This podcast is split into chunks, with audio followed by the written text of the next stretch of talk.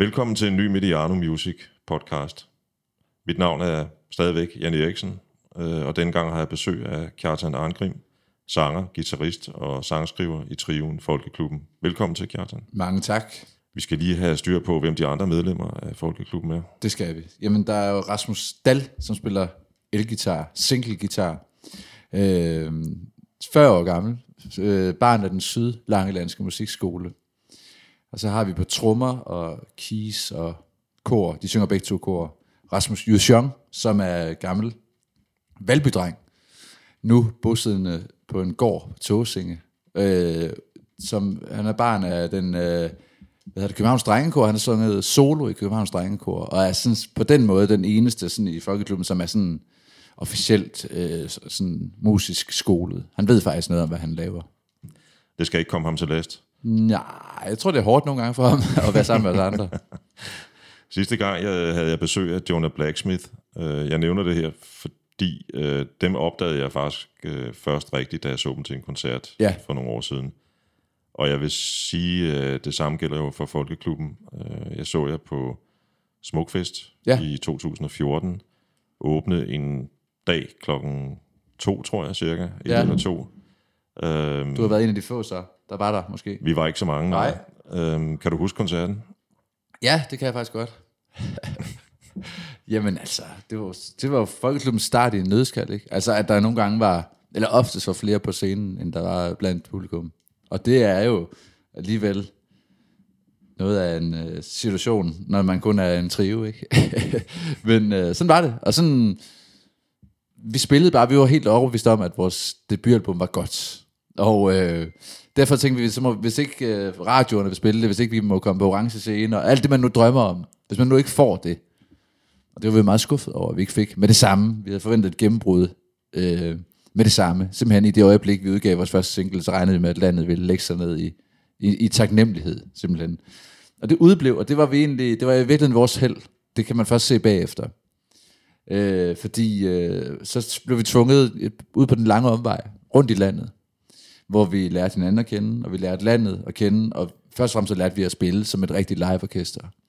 Og øh, det kan man så se nu, ikke? Det snakker vi tit om, at øh, i starten så stod man og spillede på et eller andet gadehjørne, og, eller på smukfest for ingen mennesker, og så hvad, hvad skal det nytte, det her?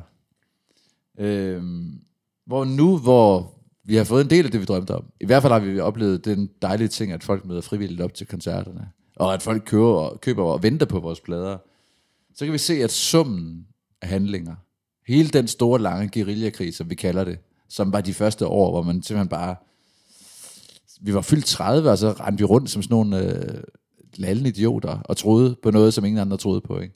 Så nu kan vi se, at det hele giver faktisk mening. Det er meget smukt. Og en af, man kan sige, et produkt af, af, af, den guer- guerillakrig er jo så jeres nyeste, fem, Ja. femte album, Ja. Børn af den tabte tid. Og allerede her synes jeg, at jeg kommer ind på øh, et øh, tema, som er rimelig centralt, når man snakker om Folkeklubben, nemlig referencer. Jeg ved ikke, om der i den titel er en hilsen til den franske forfatter Marcel Proust. Jo, ham har vi jo ham har vi henvist til før. Vi, vores debutalbum hed øh, Nye Tider. Minder mig om en svunden tid, hvor alting gik i stå, kan jeg huske. Vi, vi synger der på, på, på debutalbummet. Mm. Så den er, det er en meget drøg roman at komme igennem i øvrigt, men øh, derfor kan man jo godt synge på den alligevel. Jeg har læst i går, der er 4.000 sider i alt. Så, Det er frygteligt. øhm, Så er kunsten jo at kondensere det ikke, til... Altså, jeg tror, det er Goethe, der siger, at skulpturen er den ultimative øh, kunstform. Altså, det er simpelthen for ham at se.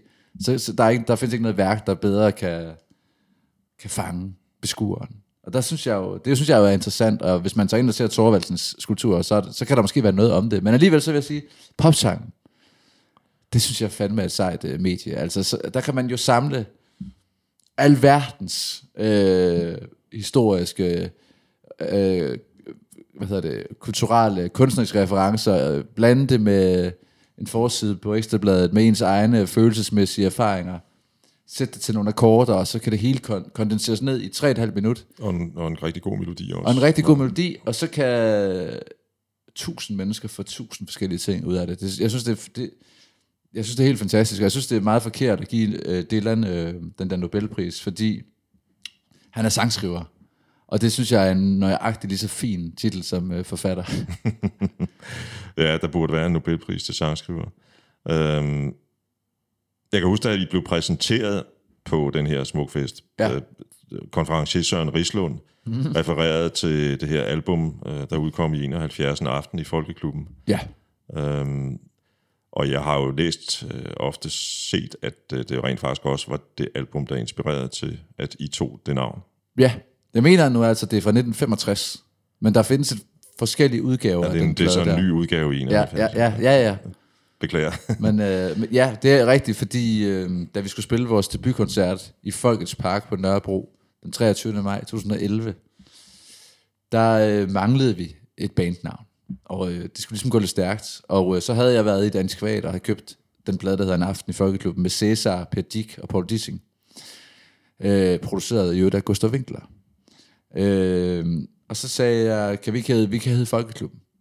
Og så øh, blev vi enige om, eller jeg mente i hvert fald, at det var et dårligt bandnavn. Det mente trommeslageren også, og guitaristen synes, det var det bedste, han nogensinde havde hørt. Og så blev vi enige om, at så kunne vi finde, vi skulle spille igen dagen efter, men så når vi havde overstået de to koncerter, så kunne vi finde på noget bedre. Og så havde vi spillet det, de to koncerter, og det havde stået i avisen da, at vi skulle spille de koncerter. En meget lille notits, men på en eller anden måde, så var det som om, at bordet fangede. Og så var det en tid, altså nu snakker vi, det er vel ni år siden, hvor alle hed sådan nogle øh, meget øh,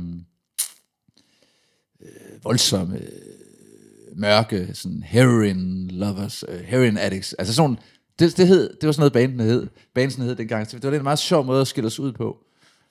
Og så tænkte vi, hvis den nu hed Folkeklubben, så, som i udgangspunktet er et håbløst navn, så, så var der en opgave i at fylde det ud på en sej måde.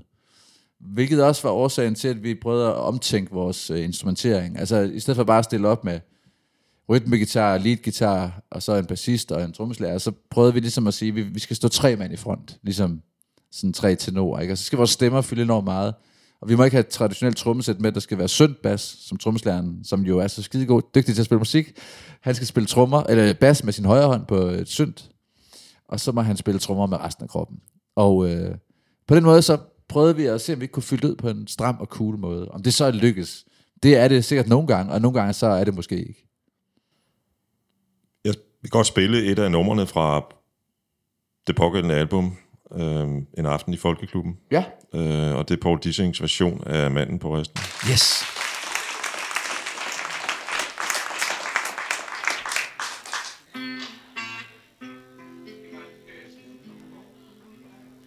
Jeg vil gerne synge en sang om en mand.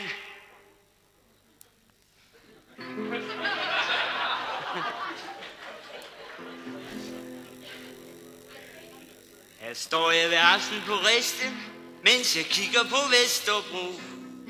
Jeg nyder de flammende neonlys uden ophold fra 6 til 2. Jeg har det omtrent som de rige. Jeg er hver nat på restaurant. Så man kan jo godt nok sige, at jeg er sådan en slags gourmand. Jeg har med de ældre dele ej vrøvl som en anden grusser. Min mave kan tåle det hele, og lidt til om mig mere. Jeg snapper fasanen i flugten, efter bøffen min yndlingsret. Jeg får aldrig andet end lugten, men af den kan man også blive med. Når de derinde nedsvælger Bourgogne og du, så bliver jeg beruset af lugten på Vesterbro. Jeg skal ikke møde i smoking, så jeg kan være lige glad. Jeg har aldrig ballade med tjeneren, hver gang jeg skal have lidt mad. For mig er der ingen, der pukker, drikke... Jeg tror, vi er mange, der tror, at vendingen lidt til er meget mere skyldes C.V. Jørgensen. Men øh, det gør den jo åbenbart ikke, fordi Paul Dissing sang det her. Hvad var Folkeklubbens, altså nu har vi snakket om navnet, hvad var egentlig jeres vision der i begyndelsen? Det var, det kan jeg ro- roligt sige, fordi det var at slå, slå igennem i stort format. Altså, det har vi, altså det lyder på en eller anden måde trivielt og kedeligt og forudsigeligt, men det var, det, det, var, det var helt klart drømmen, og det var fuldstændig på et åndssvagt grundlag, for jeg havde aldrig stået på en scene før. Jeg har aldrig spillet i andet end Folkeklubben. Da jeg stod på scenen første gang i Folkeklubben, i Folkets Park. Det var første gang, jeg stod på nogen som helst scene, nogen steder. Og så er det jo urealistisk og storhedsvanvittigt at tro, at man skal slå igennem overnight. Øh, men det var vores plan. Altså, øh, og vi skulle have guldplader, og vi skulle spille i KB-hallen, og alt det der. Og det fik vi jo ingen af delene. Og dog fik I et øh, kæmpe hit med Fedtår. Ja, det siger folk. I fik, men det var ikke et hit i starten. Der, der var faktisk ikke nogen, der ville spille det i radioen, fordi at det ligesom var så øh, fingerpegende og øh, politisk orienteret. Det var jo hverken højre eller venstre orienteret. Men det forhold, at sangen forholdt sig til samfundet, det var på det tidspunkt en fuldstændig ny ting. Det havde man ikke gjort i det ved jeg ikke, 25 år eller eller Paul Dissing. Ja, det er det. Og, øh, og det handlede meget om kærlighed, det handlede meget om tosomhed, og det handlede meget om fester og efterfester. Lige de fire ting, kan jeg bare huske, det gik igen i alle sange. Og så kom der lige pludselig nogen, der sang om café latte, narkomaner og, øh, og den slags ting. Og det, det var simpelthen for skrabkost. Jamen, også, der optræder også udtrykket 1. maj i sangen. Som... Der, ja, for første gang i, i dansk popmusik og rockmusik får øh, 1. maj-gængerne et lille los over, over natterne. Det, Ja, det, ja. det kunne man simpelthen bare ikke spille åbenbart i dansk radio. Så på den måde, så spillede vi sådan set... Vi kunne mærke, når vi spillede Fedterøv, om det så var på et gadehjørne, eller en træstamme, eller en busterminale, eller smukfest. Når vi spillede den sang, så lyttede folk. Og, øh, og på den måde spillede den sig selv ind alligevel i radioen. Og så er den blevet til det folkelige hit, som den er i dag.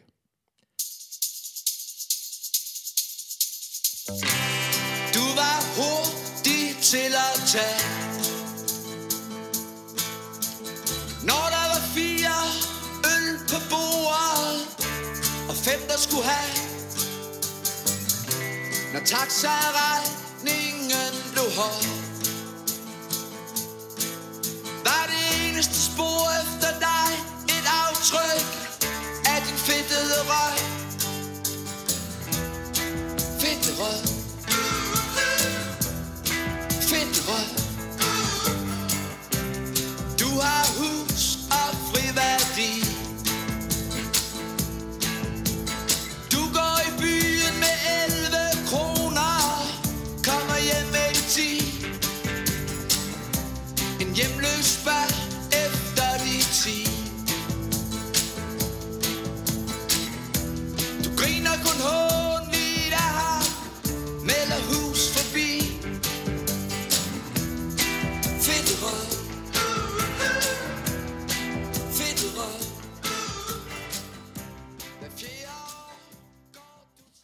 Kunne godt tænke mig at tale lidt om en anden sang fra jeres første album, Nye Tider, som du sagde. Ja.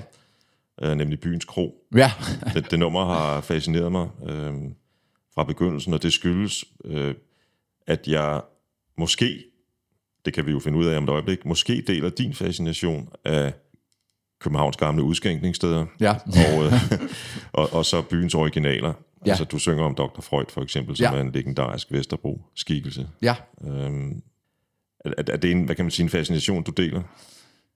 Ja, og så tror jeg også, det er lidt en sådan ode til Axkalø og hele øh, den der øh, raplen. Altså, øh, altså, hvor mange stavelser kan du få ind imellem øh, et taktslag? Altså, øh, det, er, det synes jeg har været en enorm enormt skæg øh, udfordring. Og sjovt nok, øh, øh, en sang, som vi har spillet nu, altså, vi har haft med på turné, og den fungerer altså stadigvæk. Altså, øh, Jamen jeg på en eller anden måde, så tror jeg, vi alle tre i Folkeklubben er enormt glade og stolte over den der sang. Den, den, den er virkelig uden for nummer. Det synes jeg godt, I kan være. Tak. Den øh, handler jo selvfølgelig, eller ikke selvfølgelig, men den handler jo øh, om København i en eller anden forstand. Øh, og det gør rigtig mange af dine sange. Jamen- Jeres sange. ja, altså dels handler det jo om, at øh, der er to ting i det, tror jeg. Altså, øh, dels øh, da vi kom ind startede med Folkeklubben, der handlede alt i vores hoveder om København. Altså det gjorde det sådan set for hele landets vedkommende. I hvert fald det kulturelle del af Danmark. Altså, hvis man skulle slå igennem, så skulle man slå igennem i København, og man skulle, og Roskilde Festivalen og Roskilde byen var grænsen, ikke, for hvad der egentlig var Danmark kulturelt set. Det er fuldstændig enøjet og afgrænset og tåbeligt perspektiv, som vi jo så blev tvunget til at, at bryde med, da vi ikke slog igennem inden for den radius, som jeg lige har skitseret. Men, øh, men samtidig så var der det forhold, at jeg var flyttet først fra Odense så til Aarhus, og så til Storbyen København, som jeg altså vil fastholde, er et fuldstændig fantastisk øh, sted at, øh, at opholde sig i, og som har inspireret mig til enormt mange sange. Øh, at vi så senere hen, på den omvej, vi bliver tvunget ud på, opdager resten af landet. Det kan vi måske, jeg ved ikke, om det er del af din plan, men det kan, det, det begynder jo også at sive ind i sangen, ikke? Og det synes jeg er skægt, at man kan se den bevægelse fra København til, til, det, sto- Nå, til, til det tale- store land. Lad os bare tale om det nu, det er fint. Ja, jamen, det, da vi så har, er kommet ud med den her debutplade, der, ikke er, der er faktisk ikke rigtig sket noget med det. Med, med Folkeklubben. Vi er ikke blevet det der store øh, nationale hit, som vi havde regnet med. Så tager vi ud i landet, lige så stille, på E E45, E20, finder ud af, at vi lever jo i et kæmpe land. Altså, Danmark er det land i, Dan- eller i, i verden med flest spillesteder, flest festivaler per indbygger. Øh, samtidig var der i medierne en stor debat om øh, udkants Danmark, den rødne banan, om at landet var ved at knække midt over, om øh, mangel på sammenhængskraft. Og det var skægt at tage ud i landet og spille, og så opleve, at det hang ikke sammen med det, man oplevede. Altså, mediebilledet var et forvrænget billede. Vi mødte ikke andet end sammenhængskraft. Vi mødte ikke andet end rum til fordybelse, vilje til fordybelse, virketrang. Og øh, det blev så senere til sangen Danmarks Film, som er sådan en øh, fædrelandssang i virkeligheden. Ja, fordi det er en, del af historien om jer er jo nemlig, at I har optrådt stort set. Der findes vel ikke nogen scener i Danmark, I har optrådt op, på, og hvis, hvis ikke scenen var der, så skabte I den vel selv også Ja. i, Ja, indimellem. Øhm, og det, det synes jeg faktisk er en interessant pointe, og det har den været lige siden I udgav sangen, øh, Danmarks film, at, at den der rådne banan, øhm, ja, der er måske nogle økonomiske udfordringer ude i, i periferien, øh, men, men, men altså, der er jo også en vilje til at, at få ting til at fungere. Altså, der er jo kulturhuse i stort set hvilken som helst. Lille dansk by, og så videre, ikke? Ja, hvis man tør bevæge sig derud, og man ikke åbenlyst taler ned til folk derude, så øh, oplever man også en øh, tilslutning til de arrangementer, der er. Altså, det var det, vi oplevede. Altså, folk kom jo, ikke fordi de elskede folkeklubben, men fordi de støttede op omkring deres lokalsamfund, og fordi hvis ikke de mødte op, så vidste de godt, så kunne der gå lang tid, før at der, øh, at der igen ville være kultur. Altså, det, var, det, var, det synes jeg bare var... Det, havde, det, det aftvang en respekt, som også gjorde, at man, man tog sig kraftigt med sammen, når man trådte op derude, ikke? En af, en af jeres sange, som, som øh, er fra det tredje album, øh, Slå Flint, Mm. Handler om en skikkelse fra provinsen, nemlig Overlæge Jacobsen. Ja, Eller det hedder sangen. ja. Det handler om en øh, mand ved navn Ovataki. Ja, ja, ja, ja. Han, han, er, han svæver over mange af vores sange, vil jeg sige. Ja. Ovatashi. Ovatashi, ja, ja, det var forkert udtalt. Øh, hvor, hvor, du må meget gerne forklare, hvordan han svæver over jeres sang. Jamen, Ovatashi er jo en af mine store helte. Han, øh, han var patient på Psykiatrisk Hospital i Aarhus. Øh, indlagt i, tror i 51 år. Øh, oprindeligt fra Æbeltoft. Og, og, og skabte under sin lange indlæggelse en fuldstændig fantastisk kunstsamling, som man i dag kan se på Ovatashi-museet, Museet for de Gales Kunst i Aarhus, som jeg vil anbefale alle at tage ind og se. Øhm, og han, da vi flyttede til Aarhus, og, og mine forældre er psykiater, og så flyttede vi ind på matriklen af psyk, der var han så død i nogle år før. Men der hang hans, hans ånd svævede ligesom over det hele. Han, han, han var sådan en fyr, der havde levet mange forskellige liv. Han havde været øh, fugl i, på farundes tid, og drukket kaffe med Jesus, og så har han været kvinde, øh, det mest i, i de fleste sådan reinkarnationer. Og øh, da han gik og nørklede med sin kunst der på psyk i Aarhus i 60'erne, 70'erne, så, så tænkte han, nu var det slut med, der var han så havnet i en mandekrop. Så, gik han, så fandt han sådan et stemmejern, og så kastrerede han sig selv i kælderen under hospitalet. Og, øh, og blev til en kvinde. Han sang af glæde hele vejen ind til kommunehospitalet, hvor han skulle lappe, lappe sammen. Man kan se ham i videoen til Orle Jacobsen. Øh, men hele det der med at ture og tænke og gøre det irrationelle, som jeg synes øh, allerbedst kommer til udtryk i det hyl, som indleder Danmarks film. Øh, et hyl designet til at bringe galskaben, vanvittigt, frem i, i de såkaldte normale mennesker. Det har jeg fra ham.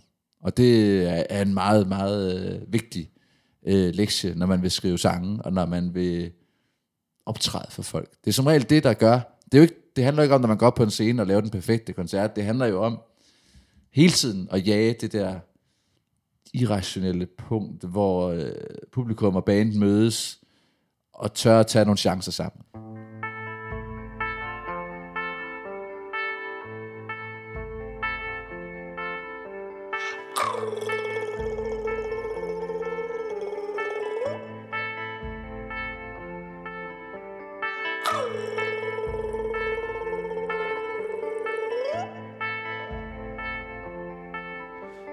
Tankestrøm, det er en revolution og et åbent brev fra en generation, der er fri fra freaks og filantropi.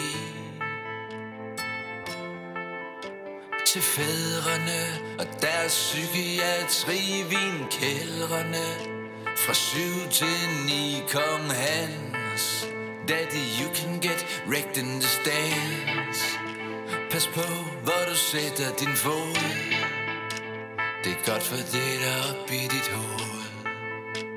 Det er godt for det, der er op i dit hoved.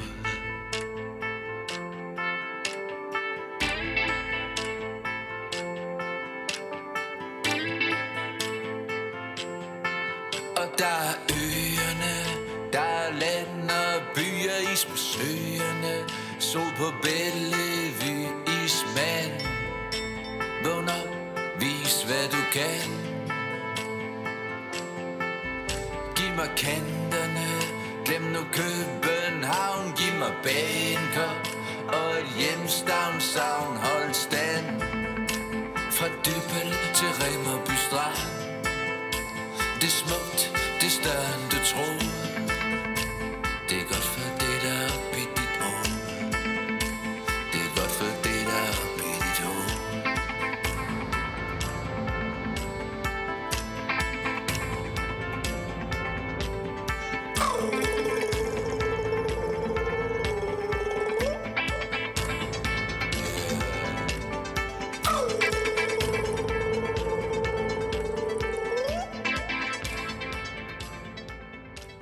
vi lyttede lige til Danmarks film, og øh, der kan du fortælle en nyhed.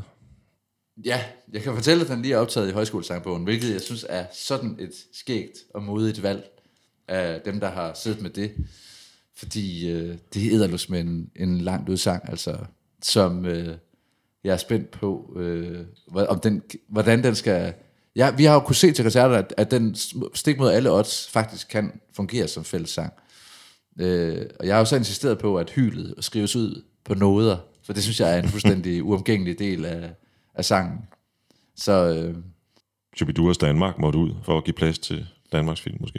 ja, jeg ved ikke, om det var, det var en byttehandel. I så fald, øh, jeg synes, vi skal sende en tanke til Michael Bundesen. Det er jo en stor øh, stemme, ikke? Altså som, med et stort register, øh, som har været der i så mange år, at øh, de har ikke rigtig brug for... De har ikke rigtig brug for det, tror jeg. Jeg tror, det er deres sange vil svæve øh, højt og flot videre, uanset øh, hvor de bliver dømt ind og ude. Altså, det er som om, det er, det er sgu rimelig godt forankret i folkesjælen. Så det tror jeg, det, det, det, det, det, det gør ikke rigtig noget for dem, tror jeg faktisk. Jeg, jeg sidder og tænker på, når, når, når I kommer ud, fordi du sidder og fortæller om det der med, når I kommer ud og optræder, og ofte i små sammenhænge. Nu, nu snakkede vi om, øh, om øh, Fedterøv. Ja, Det kunne også være Danmarks film. Har jo indimellem lyrikken, som vi kommer tilbage til senere, så har de jo også nogle standpunkter, ja, nogle, nogle udtryk. ja. Oplever du tit, at du skal diskutere, eller, eller hvad kan man sige, ja, diskutere med publikum? Ja, altså det sker egentlig temmelig ofte. Øh, hvilket jeg synes kun er, er et sundhedstegn. Altså at folk lytter og tager det til sig og vil diskutere. Og det kan også være, at man er uenig i nogle ting. Det kan også være, at man... Jeg mødte en fyr i Herning, som... Fordi jeg, jeg har sunget om løgneren et sted. altså Martin Hansens Løgneren, som er en god bog. Men som det er lang tid, jeg har læst, men nu var den altså havnet i den her tekst, som hedder Væk mig fra vores tredje plade, tror jeg nok. Og så den her dreng, han har købt løgneren, han var 18-20 år, og havde sat sig ind i den. Havde helt åbenlyst også forstået den, og, og forstået den bedre, end jeg havde, og ville så gerne snakke om. Det, så måtte jeg jo bluffe mig igennem den der samtale, og, og lade som om, jeg kunne huske, hvad den handlede om. Men, men, men det var da enormt opløftende at, at møde nogle mennesker, der havde sat sig ind i, hvad man sang om. Altså mere end en selv. videre til øh, albumet Sort Tulipan, der udkom i 2019. Ja. Øhm, jeg har set dig citeret for, at det var den plade, hvor Folkeklubben blev et rockorkester. Ja, det vil jeg nok også mene er rigtigt. Altså, der skiftede vi lidt ud på... Øh, der lavede vi op på den der tre tenor konstellation med os tre i front. Eller vi er sådan set stadig i front, men nu sidder Rasmus Jussiong ved et, øh, ved et kæmpestort, flot trommesæt. Øh, og øh, så har vi fået en bassist med, som står på et stort, flot podie i baggrunden.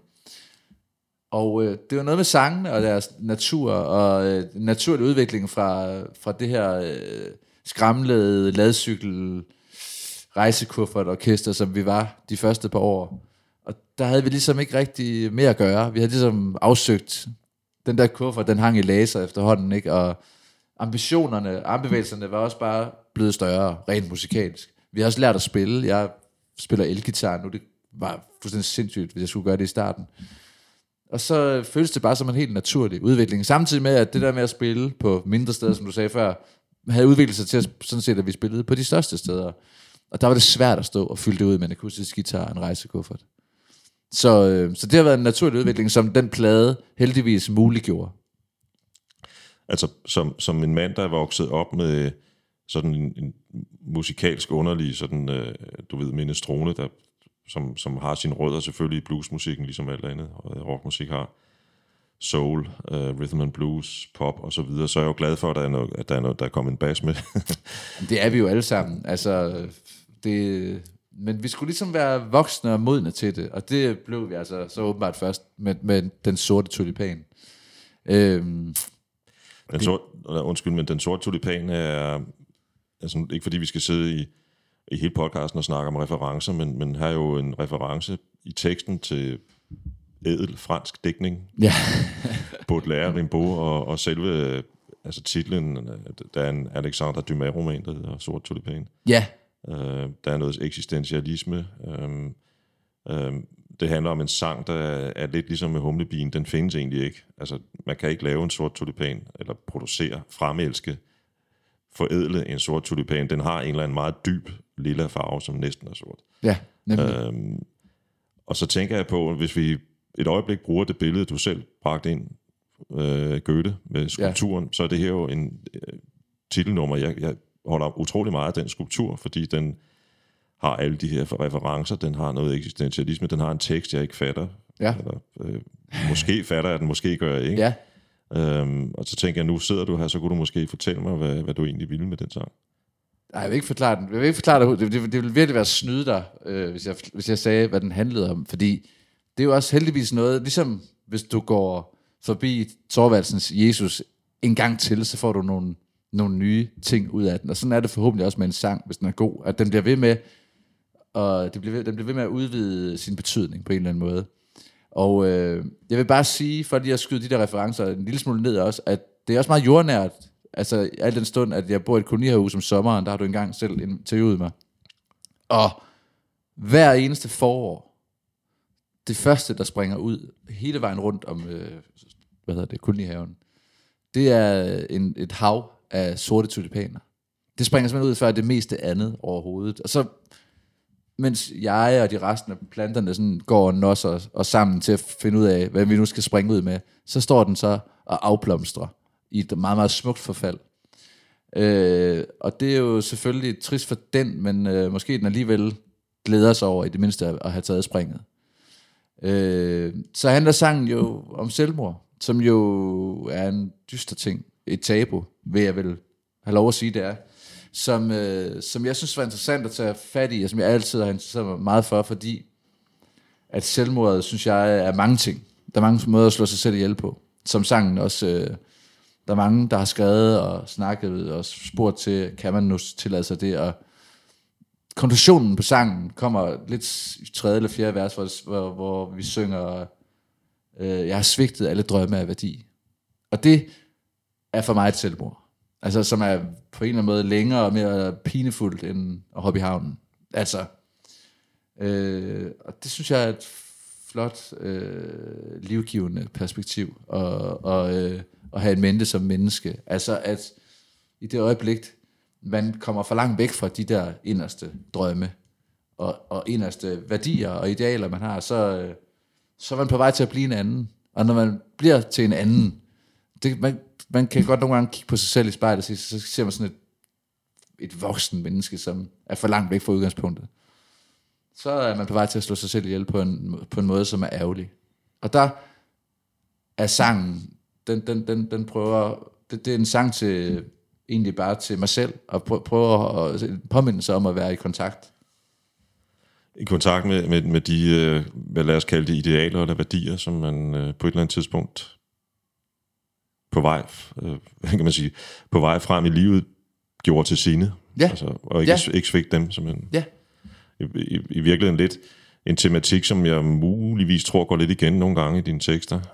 Jeg tror, det går igen i alle gode film, alle gode bøger, alle gode sange, alle gode skulpturer, tror jeg inderst inden handler lige netop om det i virkeligheden.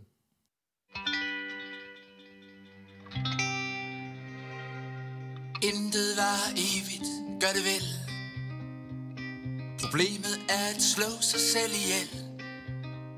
Disse bjælker er for tynde til at bære Jeg tænker at i dag, så lader jeg være. Jeg vil dø som en sort tulipan Og springe ud fra den smukkeste altan. Har i en film og i en rolle jeg kan bære Lev dit smukke liv, eller lad være. Men rollen blev besat til anden side. Til hvem det får du aldrig helt at vide. Det er dyrt at være fattig, må du leve. Som blomsten hos Rimbo og Baudelaire Vil jeg dø som en sort tulipan Og springe ud fra den smukkeste altan Ah, i en film og i en rolle, jeg kan bede Lev dit smukke liv, eller lad være. C'est un grand problème. Oui. C'est vraiment sérieux. Le suicide, je sais. Je m'en fous.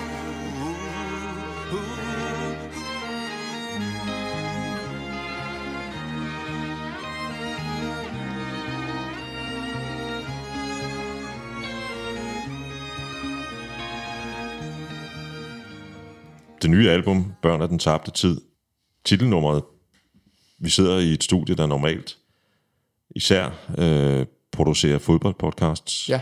Titelnummeret starter med øh, Svend Gers.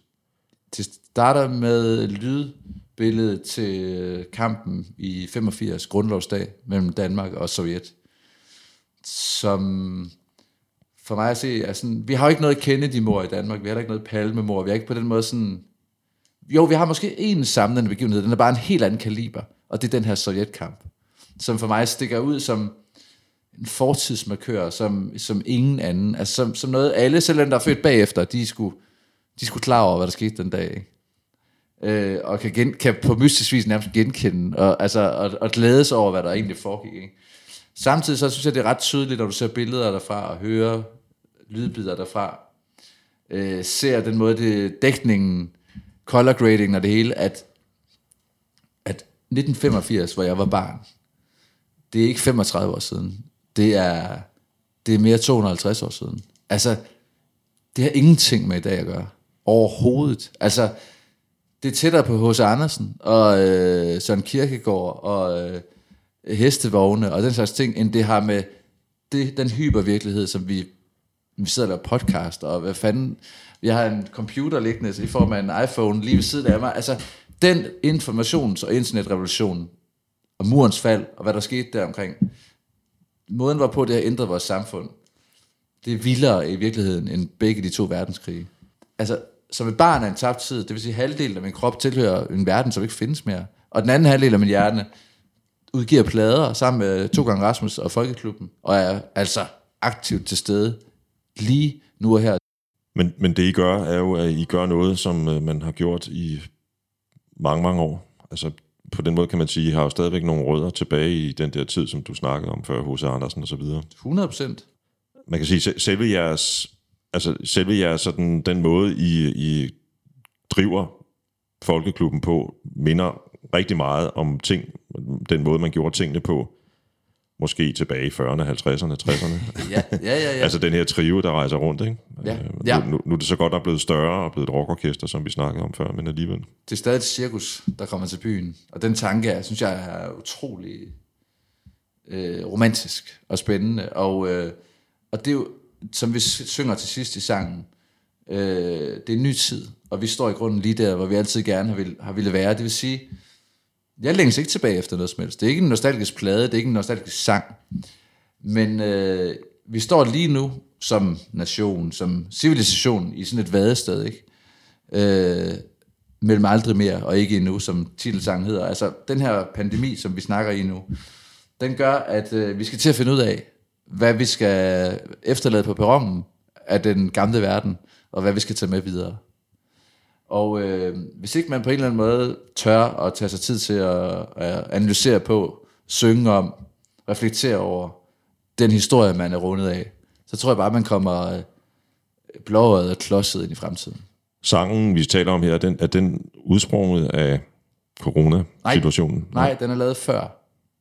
Måske som en forudanelse. Altså ideen til sangen, kan jeg huske, jeg fik i Lissabon, som jo er en sang, hvor den tabte tid, eller en by, hvor den tabte tid øh, altså er meget præsent. Altså i 1755, der var der et jordskælv ude, for, ude, ude, ude foran Lissabon, som gjorde sådan en kæmpe tsunami, som udslettede hele den lavere liggende del af byen. Og faktisk mange af de gejstlige biskopperne og, og de rige røg, i, de røg først. Ikke?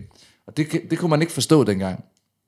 Altså hele den verden, man havde bygget op, var jo ligesom bygget op på, at, at de hellige var, var, var de helligste, og dem, dem, dem, dem, dem ville Gud beskytte. Og øh, så måtte man ligesom lave et nyt verdensbillede bagefter. Man måtte simpelthen lave om i koderne. Ikke? Og øh, det, det, der kom jeg til at tænke på, gud mand, jeg har jo også et, et ben i en tabt tid, altså, øh, som er 80'erne, min opvækst. Ikke?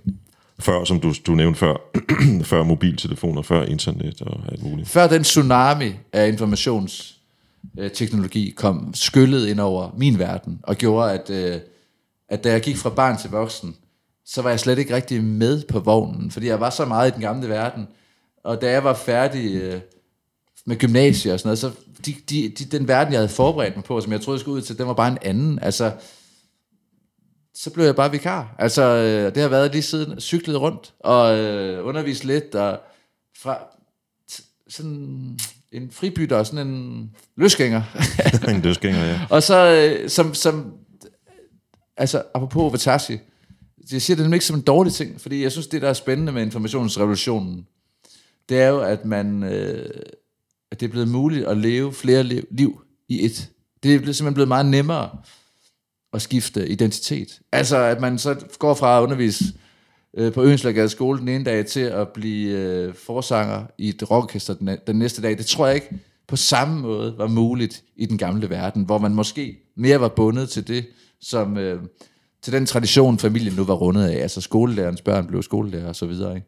Så det, det, synes, det var man spændende. Havde, man havde det samme job i 40-45 Ja. ja. år, og så videre, og så videre, ikke?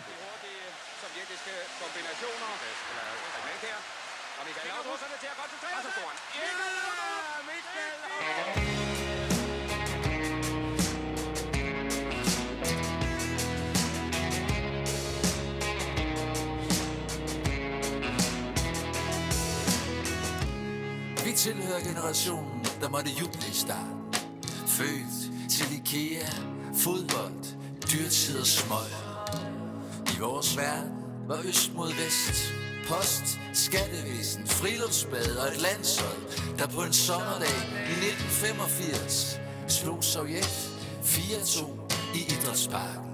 Vi er børn af den tabte tid. Vi overgiver os aldrig. Vi er børn af den tabte tid.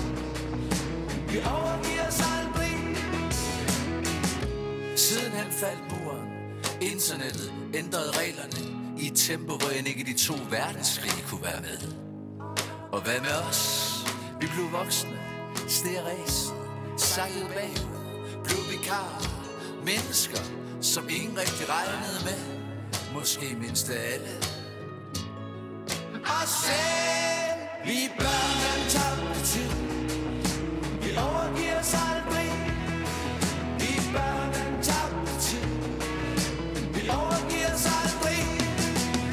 I al denne information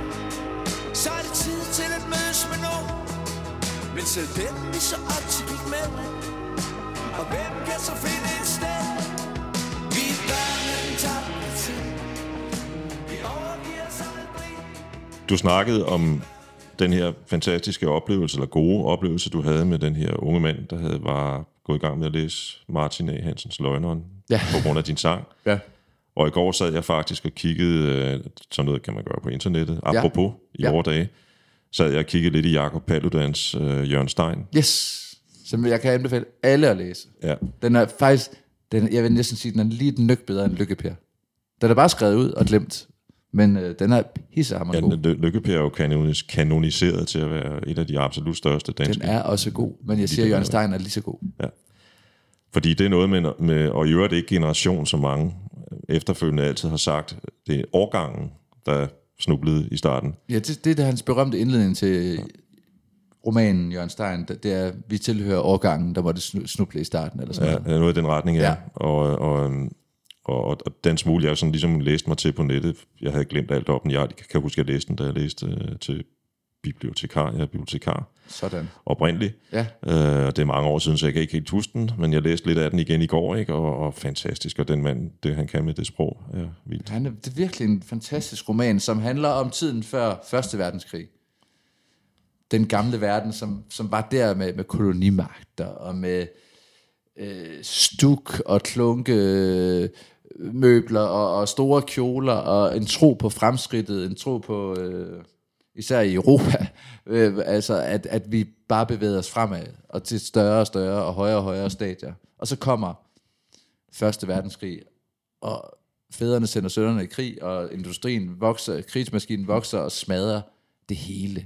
Og sønnerne kommer hjem som øh, invalide og i kister, og til ingen verdens nytte. Og, og der var ikke der var aldrig nogen god grund til at drage i krig, øh, altså in the first place. Og det hele den udvikling, og hvad det gør i hovedet på en ung fyr som Jørgen, som vokser op som barn af tiden før, og som skal blive voksen i tiden efter.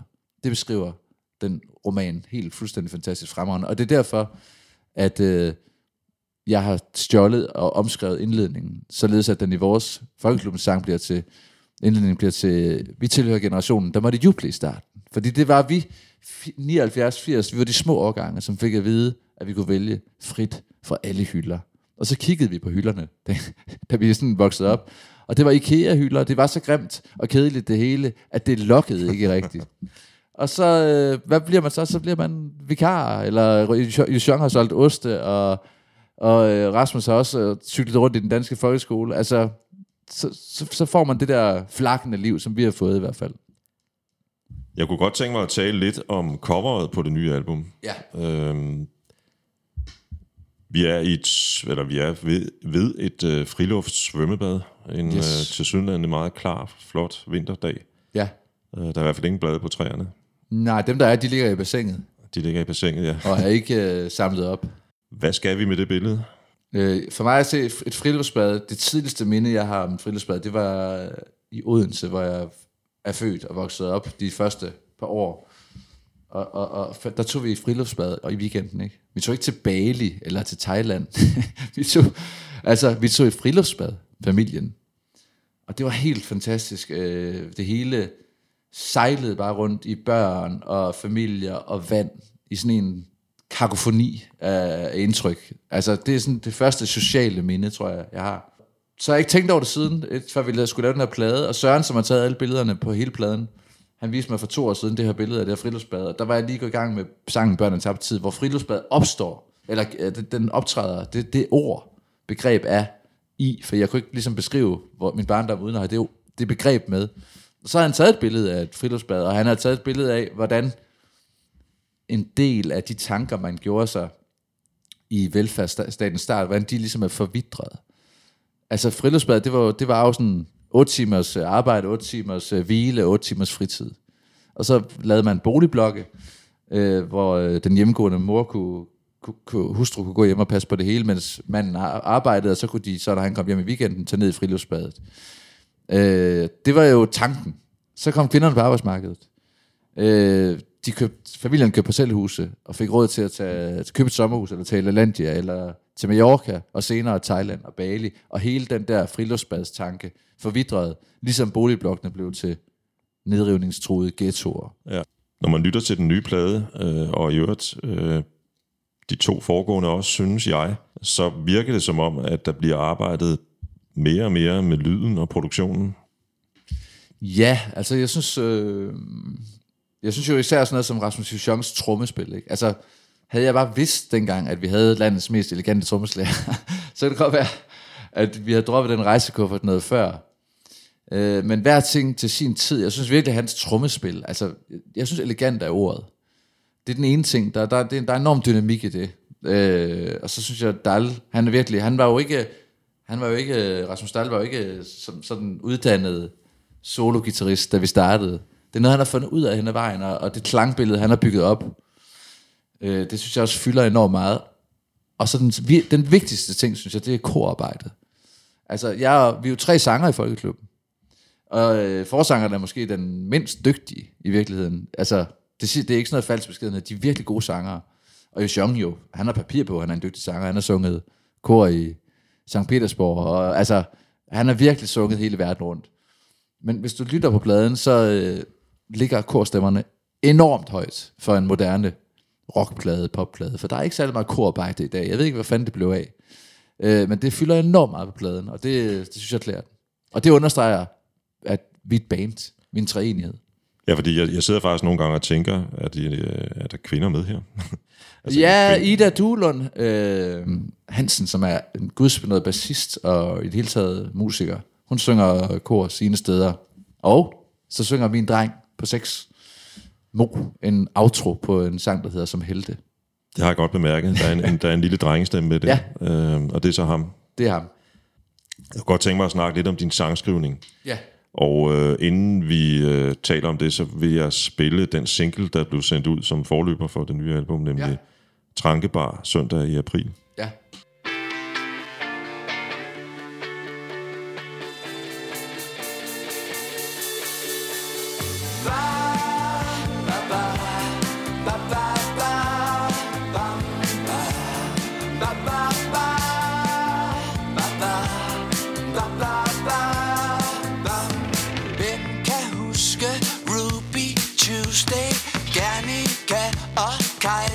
so safe.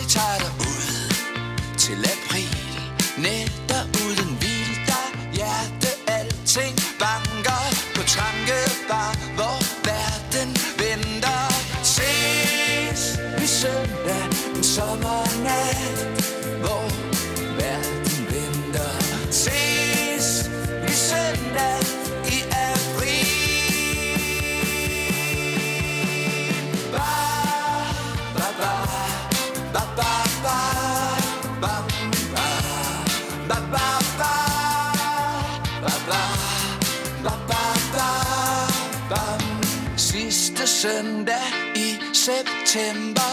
På Trankebar, hvor Torsten venter som en hø. Vi skal dø. Først så tager vi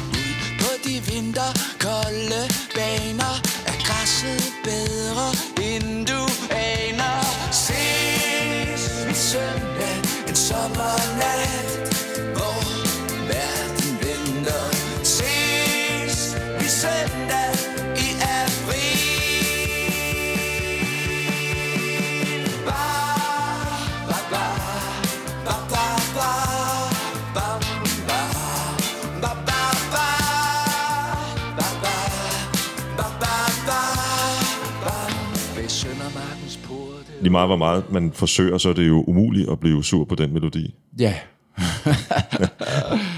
Øh, I går rent all in på pop der. Ja, altså, det er jo også sådan en Beatles-reference på en eller anden måde. Altså, hvor, altså hele, hele sporten omkring at kunne at lave en fuldendt sang på tre minutter, hvor der er alle de stykker, som der skal være en komplet rock-pop-sang. Det er der, synes jeg, her. Og øh, igen, så får det til at mødes med en fyr som T.S. Hø, som optræder i sangen, øh, fordi jeg mødte ham til en oplæsning af Torben Ulrik. Altså, den gamle tennis stjerne, multikunstner, som, som vi har sunget om før. Som du har sunget om også, ja. ja. Øh, og få alle de ting til at mødes i en, i en, i en popsang, som øh, vi ved, og allerede har afprøvet, bliver helt fantastisk at spille live. Det synes jeg var en fed ting, altså. Jeg har altid, eller i hvert fald i overvis sagt, at når jeg hører en melodi af den type, så virker den tit på mig som sådan en lykkepille nærmest.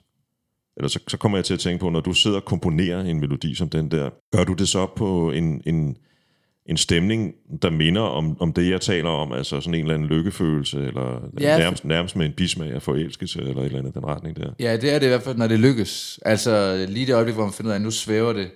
Men jeg kan huske, at jeg var til den her aften med Torben Ulrik, så mødte jeg T.S. Hø, fordi jeg var alene afsted, og stod og var sådan lidt usikker, som man kan være, når man er alene afsted, og ikke, har en, og ikke ryger eller noget, så, og kan gemme sig bag en smøg. Kom Torsten Hø, og hvad læser du op, han ind i hovedet på mig. Og så tænkte jeg, alle de ting, der gik ud på min cykel, der skulle jeg mødes med bandet, vi skulle se Phosphorescent i Pumpehuset, et koncertsted i København. Og så sagde jeg bare, det, var, det, det, det lå bare i kroppen, alle de her gode oplevelser. Så sagde jeg, jeg tror, vi skal have en sang på den næste plade, der hedder Trankebar. Så tog jeg hjem, stod op med min familie, en voksende børneflok, og så om aftenen, dagen efter, da jeg skulle synge godnatsang for alle børnene, så øh, kom tekst og melodi på umærkelig vis samtidig. Og sådan er det for det meste. Når jeg, jeg sidder ikke og laver tekster. Jeg er jo ikke digter. altså overhovedet er jeg ikke digter. Langt, det har intet med hinanden at gøre, sangskrivning og digtning. Så det, det er noget, og jeg heller ikke, det er sådan, du er komp- jeg, jeg blev engang nomineret til sådan årets komponist, og jeg synes simpelthen, det var så komisk, altså fordi, jeg går aldrig rundt og siger, nå, her kommer komponisten Kjærsten Arngrim, men jeg er sangskriver. Det vil sige, de to ting kan ikke skilles ad, heller ikke når jeg skriver en sang. Så det opstår på lykkelig vis samtidig, og når det gør, når det, gør det, og det, giver, det her sang, Trankebar er en af de første sange, der kom til efter Sort Tulipan, og det var bare en dejlig... Den, den er dejlig at spille nu til godnatsangen. Den er dejlig at spille på en scene. Øh, vi er bare glade for den sang. Du nævnte lige Torben Ulrik. Ja, Jeg kan huske, at du nævnte lige Torben Ulrik. Jeg kan huske, da vi, da vi talte sammen for fire år siden, at, at du, øh, du refererede til hans, øh, hvad kan man kalde det, statement om det smukke slag. ja. Det perfekte slag. Det perfekte slag, ja. ja. Øh, og, og nu snakker vi om, at du har inspireret en, en ung mand til at læse øh, en roman. Det har faktisk inspireret mig til, at øh, jeg spiller et, øh, et spil, der hedder Ticket to Ride. Det er sådan et gammelt brætspil, som Ja. er, også findes online. Ja. Og, og jeg, jeg savnede faktisk et, et, et begreb at sætte på min måde at spille på, ja. som er, at jeg er egentlig lidt ligeglad med at vinde. Nogle gange vinder jeg heldigvis, men det skal være med det smukke spil Det er det. Det er det. og ikke sidde og fedte og lave, øh, hvad kan man sige, nemme løsninger, som giver mange point. Øhm, og det var egentlig bare for at give den lille kado. Jeg, manglede et eller andet udtryk at sætte på min måde at spille Ticket to Ride på. Shit. Skønt. Og den, find, Så den, fandt, spildt. den sang. fandt jeg i din sang. Fedt, mand. øhm, jeg har snakket lidt om referencer, øhm, og en reference, der sådan ligger og svæver hen over det meste danske musik i virkeligheden, den hedder Kim Larsen. Ja. Og jeg ved, at I, du ofte bliver nævnt i samme sætning som Kim Larsen. Ja, det gør alle, der synger på dansk. Og fair nok i virkeligheden, ikke? Altså, men nogle gange synes jeg også, det er lidt fantasiløst. Altså, jeg synes jo, det er helt åbenlyst, at Kim Larsen kan noget, som meget få nulevende kan, og som Folkeklubben kan, ikke kan. Øh, og så synes jeg, der er noget, vi kan, som måske som han ikke kan. Altså, det tror jeg også, han vil sige. Altså, så øh, jeg synes bare, Kim Larsen er en kæmpe stjerne. Punktum. Jeg kunne godt tænke mig at spille et uh, nummer, som får mig til at tænke på Kim Larsen Ja. fra det nye album, og Ja. det er den, der hedder København. Ja,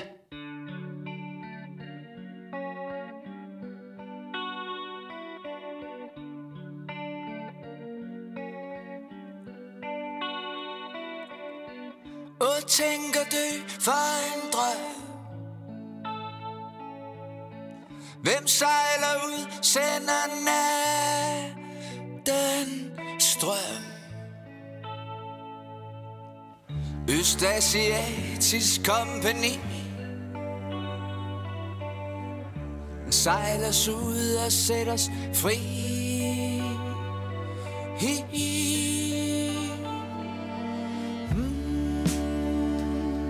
København. Må himlen bære dit navn. Mm. København. Lad bølgen bære dit savn.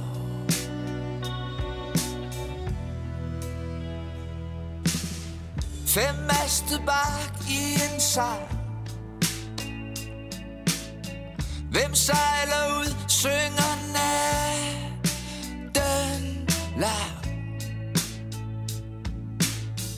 Østasiatisk kompani Sejl os ud og sæt os fri hi, hi. Jeg interviewede Kim Larsen i forbindelse med albummet Glemmebogen, og så fortalte han, at øh, en sang, der altid havde betydet rigtig meget for, for, for ham, og som han ikke turde, turde indspille, fordi han kunne simpelthen ikke gøre det lige så godt som ophavsmanden, nemlig øh, Osvald Helmut. Det er en sang, der hedder Havnen. Yes. Øhm, der er lidt af den der havnen-feeling i, øh, i København. Øh, det der med, med, med havnen som metafor for udlængsel. Ja, En, en, en, en, øh, et, et tema, som optræder i ganske mange Kim Larsen sange også. Det var derfor, jeg kom til at tænke ja, på ham. ja. Øhm, men sangen, altså du, din lyrik, nu sagde du, du var ikke digter, men jeg bruger alligevel udtrykket lyrik. Ja. Din tekstskrivning har ofte mange lag.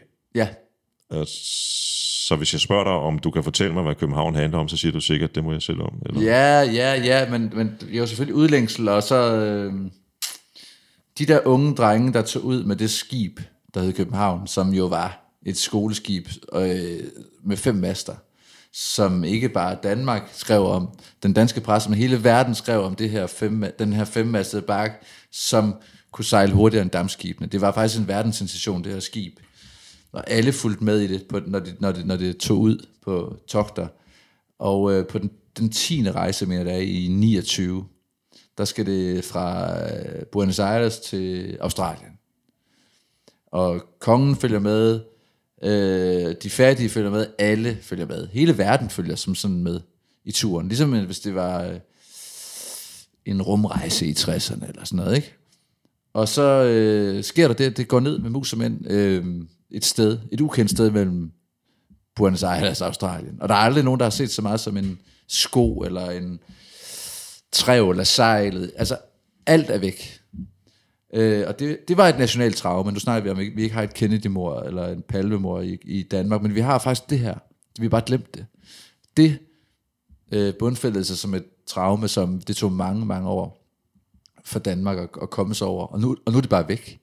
Med de her drenge og alle deres længsler, længsler alle deres idealer øh, og drømme sunket til bunds. Og så synes jeg, at det er smukt, at det kan sejle ind i en popsang i 2020 og, og, og, og få et liv der. Ja. Jeg skulle lige til at sige det, at det er smukt, at det kan komme ind i en skulptur på 3,5 minutter. Ja, det er det.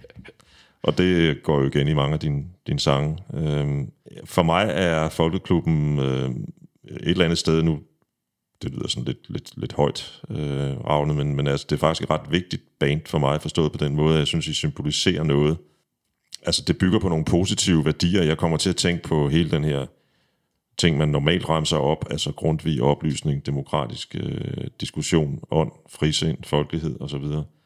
Når jeg lytter til Folkeklubben, og de der fem gange, jeg har set jer live, øh, og, og nogle gange, hvis man jo også læser nogle af de ting, du siger, blandt andet kan jeg huske, du har talt, du taler ofte om det der med, med at det er vigtigt at læse, altså for eksempel, ikke? Ja. Ja, et, eller et eller andet sted er det jo en kado, men det er også et spørgsmål et eller andet sted. Kan du genkende dig selv i det, jeg siger her? Ja, men altså... Ja, men det, så, så, så det, sådan tænker vi det jo ikke. Altså, vi tænker... Jeg har lige jo blottet mig selv i starten, hvis hvad, hvad handlede det om i starten? Der handlede det jo bare om noget så uromantisk, som bare at blive kæmpe store. Ikke? Altså, men, når det er sagt, så har vi fundet ud af, at, øh, at vejen dertil, det handler egentlig ikke så meget om at nå dertil, det er, at vejen dertil er brolagt med, med, med koncerter og sangskrivning, og i, i, i det øjeblik, man, man, man sætter sig ned for at få styr på en sang, om det så er Trankebar eller den her København, og finde ud af, sådan, den her sang fandtes ikke i går, nu findes den. Lige det øjeblik, der er man jo større end, der bliver man ikke større. Altså lige der er man jo på størrelse med skoleskibet i København, med Paul McCartney, med Bob Dylan, der, er man, der, der, der har man skabt noget, der ikke fandtes i går. Det er jo en helt vild ting. Og så går man så ud, og øh, så mødes man i et øvelokale, og finder ud af, okay, han skal sgu ikke spille rytmegitar, ham der forsangeren, fordi så, så ødelægger vi sangen. Og så finder vi ud af, at så, den sang, vi lige har hørt, så hører vi Rasmus Dahls fantastiske elgitar fingerspil. Sydlangelands fingerpicking. Du hører Rasmus Jean, som spiller trommer på det her nummer, som man vil høre Paul McCartney, når han overtager trommestikkerne en få gange for Ringo i Beatles. Og når man så mødes der, så tænker gud mand, lige nu, der er vi da et kæmpe orkester, ikke? Og så finder du ud af, at alle de andre ting, som er sådan nogle øh, vækstparadigmer, ikke? Hvor stor er du, hvor mange plader er du solgt, hvor mange kan du samle til en koncert, det er i virkeligheden, var det jo bare øh, Fata Morgana, altså sekundære ting, som intet er i forhold til lige nøjagtigt det der.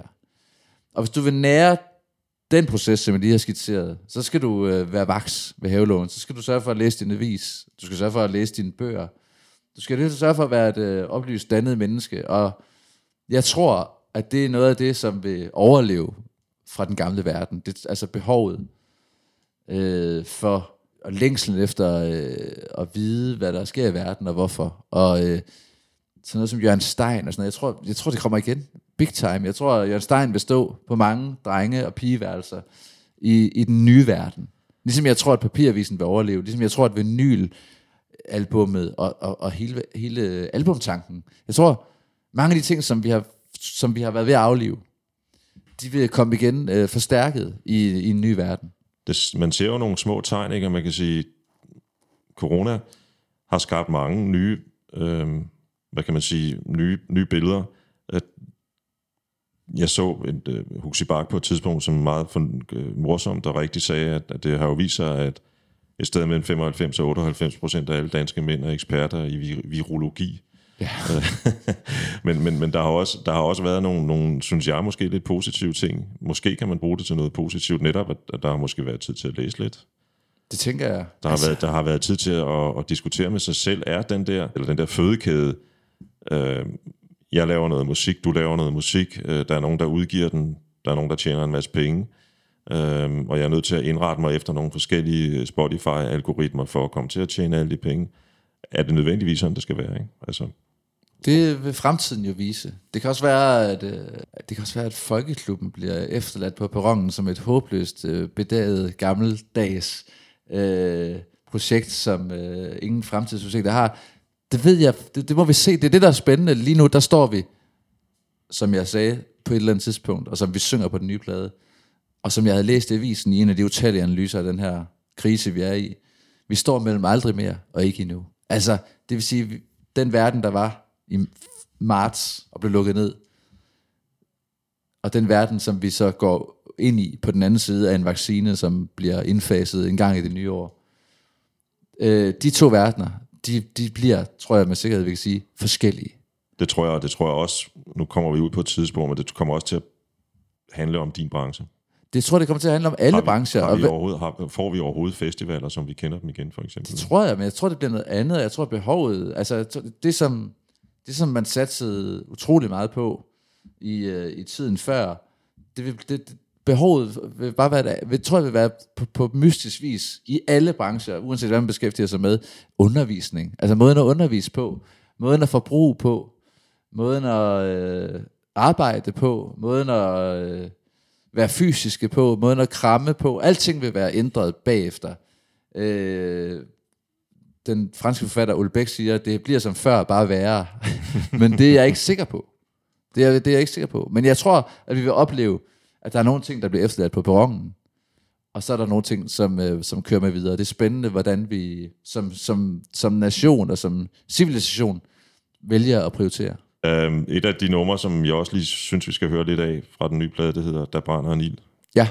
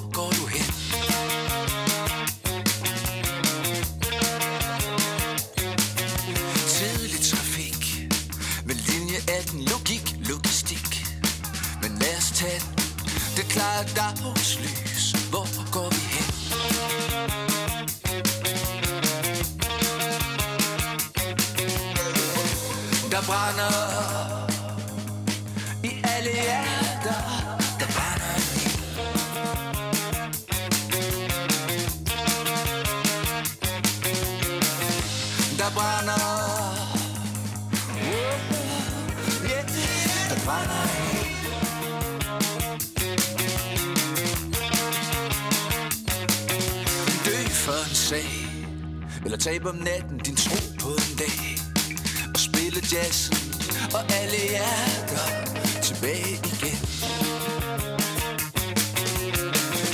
Der brænder I alle hjerter Det er et nummer, jeg har valgt, fordi jeg synes, det er en lille smule anderledes end så meget andet med Folkeklubben. Her tænker jeg blandt andet på gitaren Ja. Og trommerne. og trommerne. Ja. Ja. og jeg synes vi skal sende en hilsen til Frederik Tog, som har produceret pladen, som er sådan en øh, to meter høj veganer, som har kun har produceret musik i USA og Canada de sidste 5, 6, 7 år, men som også produceret Sort Tulipan, og nu altså også den her. Men øh, alle de stryger ting, man kan høre rundt på pladen, og mange af, af idéerne, det, dem må vi virkelig tilskrive ham. Han er sådan et, øh, et øh, geni, vil jeg også kalde ham. Stort ord, men øh, fair nok. Øh, Stort ord sådan tirsdag middag. Ja, ja, ja, vi skal jo i gang. Vi skal i gang, ja. Øhm, der er sådan lidt febrilsk tone i nummeret, synes jeg. Du er ja. sangeren, eller hvad hedder det, personens, øh, sangens person er på vej hjem fra byen, tror jeg, efter en, en tur. Ja, på vej hjem fra byen, på vej på arbejde, på vej hjem fra arbejde. Øh, den tager jo udgangspunkt i sådan et digt og en antologi. Øh, Digt af Morten Nielsen, som optrådte i en antologi efter krigen, der brænder en ild, eller under krigen, der brænder en ild. Altså, det gjorde der jo i de der modstandsfolk, unge modstandsfolk, der risikerede deres liv for en stor sag. Altså, der kan man tale om en ild, ikke? Og øh, så er det så forskudt til fredstid, til velfærds Danmark. Krigen er vundet. Øh, hvad foregår der så i dansken på vej i linje 18 til arbejde? Øh, i, øh, med sikkerhedsnet og pension og alle de der ting. Altså, brænder ilden egentlig stadigvæk, og hvad brænder den for? Det er det spørgsmål, som sangen sådan lidt håbefuldt stiller, fordi jeg egentlig tror på, at der brænder en ild i, i mennesket stadigvæk. Jeg kan huske, da vi talte sammen øh, for fire år siden, der fortalte du mig, at du på et tidspunkt i din tidlige ungdom havde rejst rundt i verden for at se Bob Dylan. Ja. det er nemlig rigtigt. Øhm, det fascinerede mig så meget, så jeg kan huske det i dag.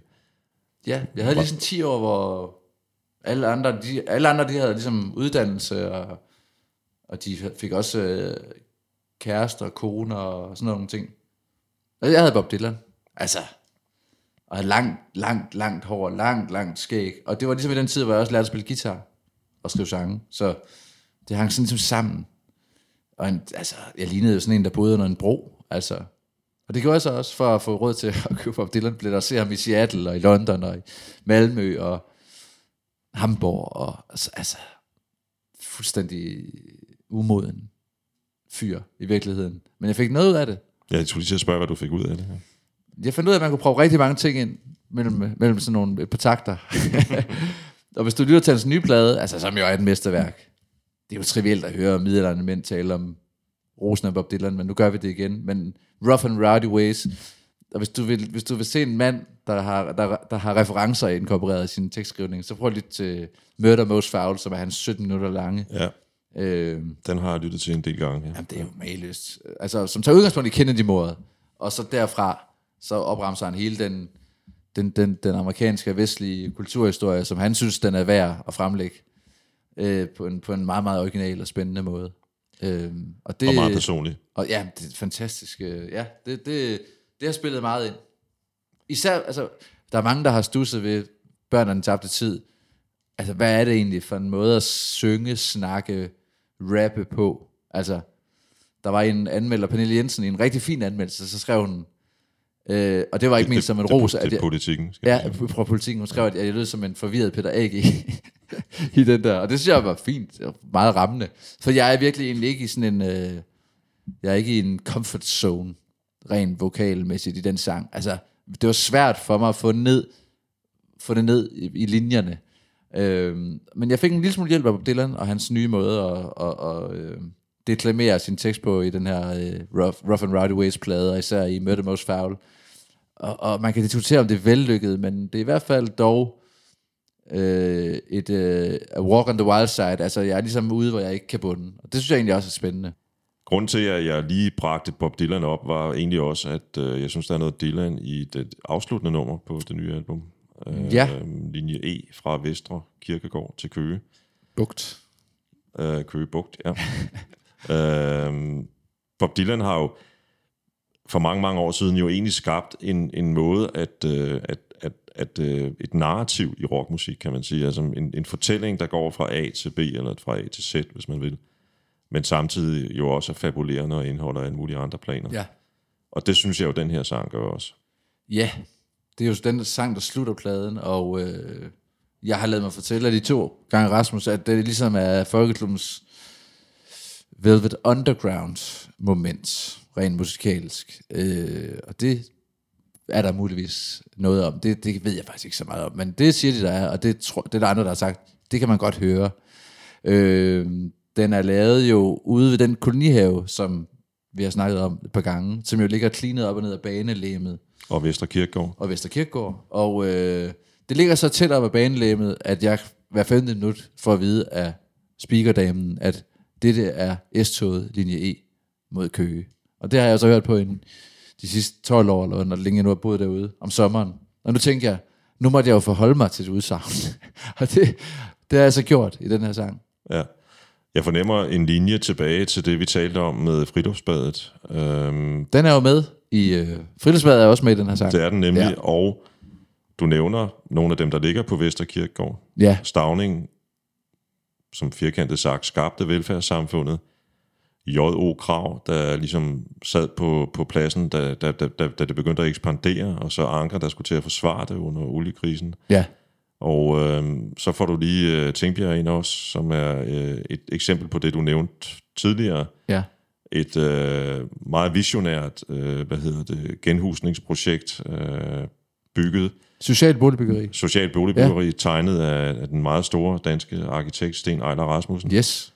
Øhm, I dag er det en fortælling om noget ghetto Ja. og en masse øh, problemer. Ja. Øhm, så et eller andet sted hører jeg den her sang som en sang om det her velfærdssamfund, som måske er ved at krakelere. Det er, Eller rettere sagt en drøm. Jamen, det er jo sådan to planer, ikke? Der er en, der, det tager cirka 40 minutter med S-toget, ikke? Fra, fra Vestkirkegård, Sjælland station til Køge, ikke? Hvis man så kigger op fra sin telefon, i det, i, i, så kan du, man kan få meget ud af at altså, kigge ud, jo, af vinduet. Så, ser du, så, så kan du se mange ting. Altså, du kan altså også se en velfærdshistorie, øh, som jo på sin vis er meget smuk. Det kan man, det tror jeg næsten alle. Fordi uanset hvor du er henne i spektret, så øh, er de fleste for velfærdsstaten. Altså, og ikke vil egentlig ikke bytte den ud. Samtidig så må man jo også bare konstatere... Alene den grund, at alle er afhængige af den. Det er de jo, og øh, på, altså, nu kommer der en vaccine, og altså, vi, får, øh, vi, har, vi putter vores børn i, i vuggestuer, og børnehaver, og skoler, og vi har sygehusvæsen. Der, der, altså, vil man være for uden det? Altså, hvad, vil, vil man hellere til, til, til, til USA? Altså, det, det vil man nok ikke. Altså, på den måde, så er der en masse gode ting. Øh, og så er der nogle ting, der er gået galt. Altså, og er, der er måske også en flamme, der blæser på lidt, øh, for lidt mindre styrke. Hvem ved? Altså, det, det, det synes jeg er værd at analysere over. Øh, og det kan man jo gøre på de 40 minutter, man kører fra IS-toget, eller når man cykler rundt, eller hvad man nu gør. Og det, sangen er ikke et forsvar, eller, eller, eller, eller en nedskydning af velfærdsstaten. Den er bare en... Den er, den, den, er bare, den, den er bare den analyse, som man kan nå at lave på et, et, et S-togs... Øh, en S-togsrejse På 40 minutter. på 40 minutter, ja. Ja. Altså, Karl Nielsen er også med. Han ligger lige... Altså, øh, Vesterkirkegård er jo Danmarks største kirkegård. Den er fantastisk. Herman Bang ligger der. Karl Nielsen ligger der. Knud Rasmussen.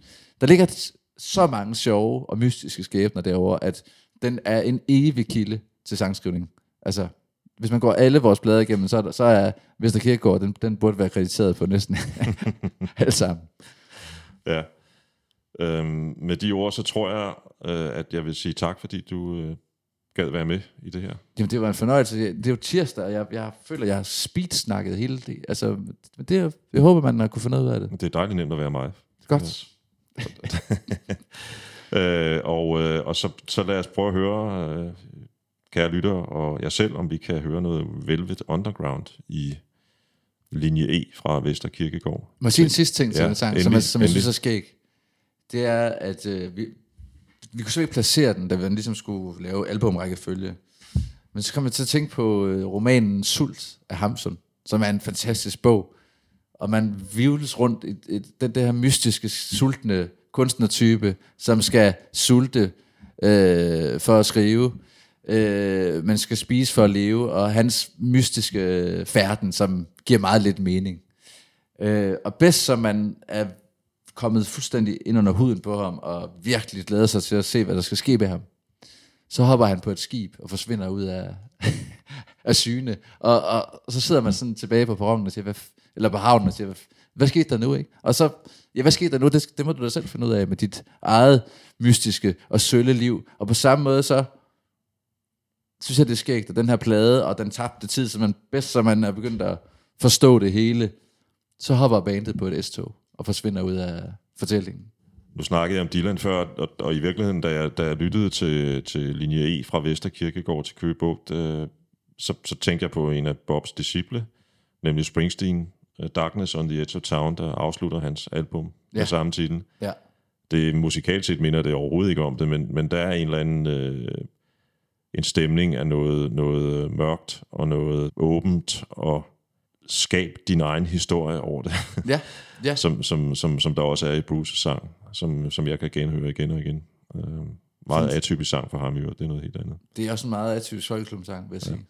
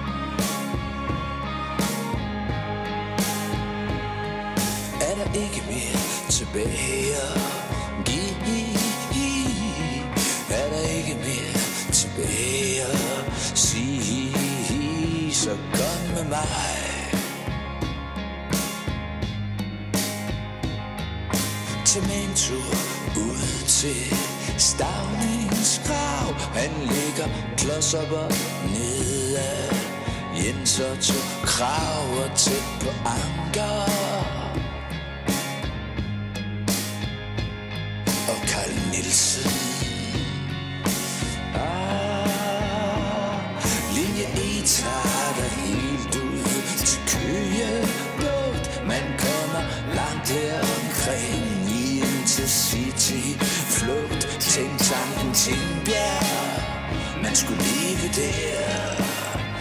Nej, for vi arbejder på ikke at skulle holde fri End ikke et friluftsbadstid Den tabte utopi, det var tanken værd. Lad bare være. Lad os Elske.